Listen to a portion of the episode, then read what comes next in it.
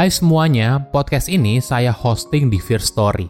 Kalau kalian belum pernah dengar Fear Story, ini adalah platform baru yang paling lengkap dan mudah untuk membuat, mendistribusi, dan mengelola podcast kamu. Nah, jadi Fear Story itu bisa kamu gunakan 100% gratis. Kamu bisa mengupload episode terjadwal dan mendistribusikan podcast kamu di semua platform podcast di Indonesia. Fear Story juga menyediakan customer service yang berisikan podcaster berpengalaman kamu bisa share podcast kamu tanpa ribet dengan F-Link yang akan mencakup semua link platform kamu dan sosial medianya. Dengan Fear Story Ads, kamu bisa mengakses monetisasi yang mudah dan beneran bisa kamu cairin tanpa biaya tambahan, gak pakai repot. Jadi tunggu apa lagi? Yuk maksimalkan podcast kamu dengan platform hosting dari Fear Story. Daftar sekarang di fearstory.me dan buat podcastmu jadi kenyataan.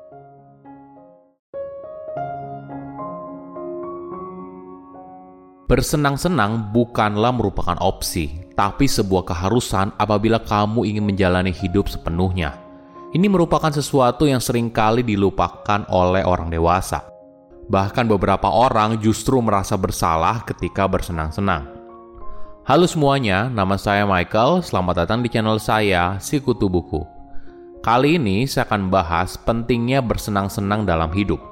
Ini merupakan rangkuman dari video TED Talk Catherine Price yang berjudul Three Elements of True Fun and How to Have More of It dan diolah dari berbagai sumber. Masyarakat di era modern lebih banyak menekankan pentingnya bekerja keras dan mendorong budaya kerja, kerja, dan kerja. Kita sering mendengar selagi muda harus kerja keras, ambil double job, kerja full time di pagi hingga sore hari, dan freelancer dari sore hingga malam hari kita didorong untuk jadi produktif. Ketika ada waktu luang dan kita memutuskan untuk bersantai, mungkin saja kita jadi merasa bersalah. Kita takut ketinggalan dari orang lain. Kita takut apabila tidak bekerja keras, maka kesuksesan kita akan jauh tertinggal daripada orang lain. Semua ini mungkin membuat kita jadi lupa untuk bersenang-senang. Kita lupa bagaimana rasanya bersenang-senang. Menariknya, bersenang-senang tidak perlu harus liburan mahal atau melakukan sebuah aktivitas yang mengeluarkan banyak uang. Ada banyak momen dalam keseharianmu yang bisa menciptakan kesenangan yang sejati. Sebelum kita mulai, buat kalian yang mau support channel ini agar terus berkarya, caranya gampang banget. Kalian cukup klik subscribe dan nyalakan loncengnya. Dukungan kalian membantu banget supaya kita bisa rutin posting dan bersama-sama belajar di channel ini. Kapan terakhir kali kamu bersenang-senang? Apakah penting untuk bersenang-senang? Jika kamu tidak ingat atau bahkan seminggu atau lebih, mungkin tandanya kamu tidak menjalani hidup dengan potensi terbaikmu. Bersenang-senang itu butuh usaha, dan hal ini bisa punya dampak positif yang besar pada kesehatan pribadi dan juga kesejahteraanmu secara keseluruhan. Mungkin perlu dipahami, fun itu berbeda bagi setiap orang. Mungkin kalau kamu lupa caranya bersenang-senang, kamu bisa lihat pada anak-anak. Lihat bagaimana mereka merasakan fun. Nah, hal ini mungkin saja bisa jadi inspirasi buat kamu. Catherine menjelaskan kalau kesenangan sejati itu perlu punya tiga kriteria. Playfulness, connection, dan flow. Oke, kita bahas satu persatu ya. Pertama, playfulness. Orang dewasa kadang lupa caranya bermain. Mereka merasa tidak nyaman untuk tidak terlalu peduli soal apa hasilnya. Mereka harus belajar untuk melepas keinginan untuk tampil sempurna. Sedangkan connection mengacu pada pengalaman bersama orang yang spesial.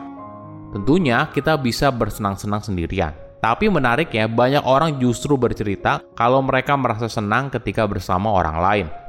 Terakhir adalah keadaan flow sebuah keadaan psikologi di mana kita begitu fokus pada apa yang kita kerjakan hingga lupa waktu. Ketika kamu merasakan ketiga hal ini, maka barulah kamu merasakan kesenangan yang sejati. Hidup kadang terasa begitu berat. Kerjaan yang menumpuk, aktivitas dari pagi hingga malam, semua ini mungkin membuat kita lupa bagaimana caranya bersenang-senang. Nah, tipsnya mungkin dengan merenungkan kembali momen di mana kamu merasa senang Momen itu tidak perlu saat kamu liburan di tempat eksotis atau aktivitas yang mengharuskan kamu menghabiskan banyak uang. Tidak perlu yang dramatis. Kamu hanya perlu momen yang ada dalam rutinitasmu. Momen di mana kamu berada dalam momen flow, mengerjakan sesuatu yang sangat fokus hingga kamu lupa waktu. Coba ingat lagi, Apakah ada orang lain yang terlibat di dalamnya? Apakah ada aktivitas yang kamu lakukan? Apakah ada situasi tertentu yang menciptakan keadaan yang fun? Kenapa hal ini penting? Karena fun itu adalah sebuah perasaan, bukan aktivitas. Jangan terjebak pada aktivitasnya, tapi pada perasaannya. Contohnya gini, kamu bisa saja suka mengadakan pesta, lalu mengundang teman-temanmu untuk makan malam dan makan menu yang sama selama dua kali. Mungkin di satu momen terasa sangat fun, tapi di momen lain terasa kurang. Jadi perlu diingat, ketika bicara soal fun, orang yang terlibat dan aktivitas yang dilakukan bukanlah faktor utama yang akan menciptakan suasana yang fun. Tapi kemungkinan besar suasana itu akan lebih mudah muncul. Nah, setiap orang punya cara dan situasi fun yang berbeda. Mungkin saja kamu dan orang lain punya kesamaan, tapi tidak 100% sama.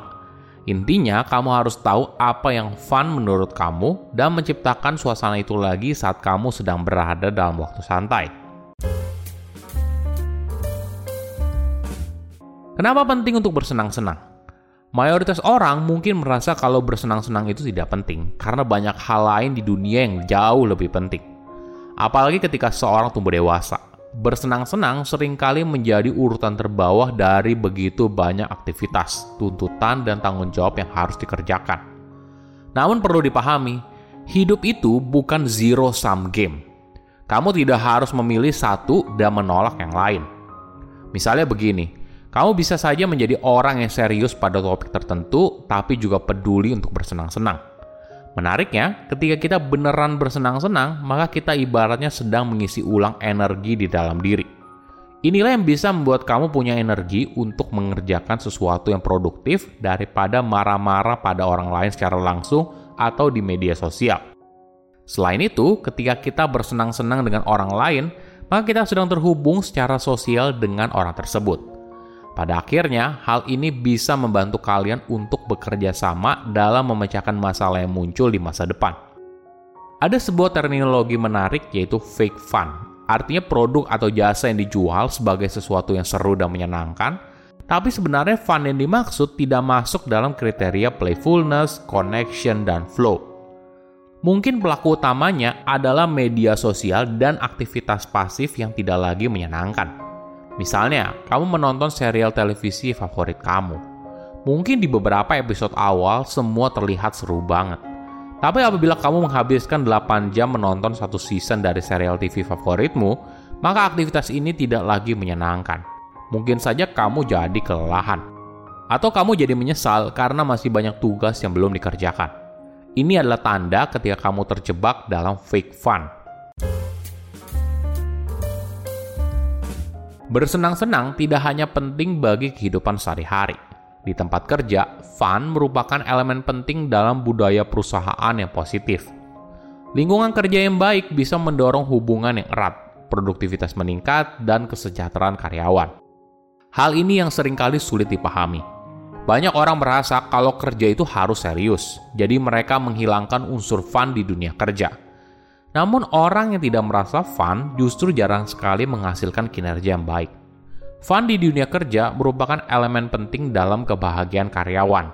Rasa fun inilah yang membuat karyawan bisa punya pandangan yang positif atas tempat kerja mereka. Alhasil, orang yang punya mindset positif lebih terbuka dalam menghadapi tantangan dan bisa bekerja lebih baik. Mungkin cara mudahnya yaitu perusahaan harus secara aktif menciptakan momen fun bagi karyawan Misalnya ada acara makan-makan bersama, acara outing kantor, perayaan kecil, dan sebagainya.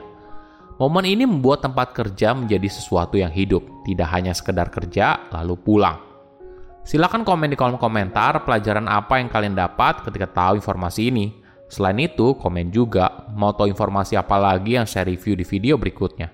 Saya undur diri, jangan lupa subscribe channel YouTube Sikutu Buku. Bye bye.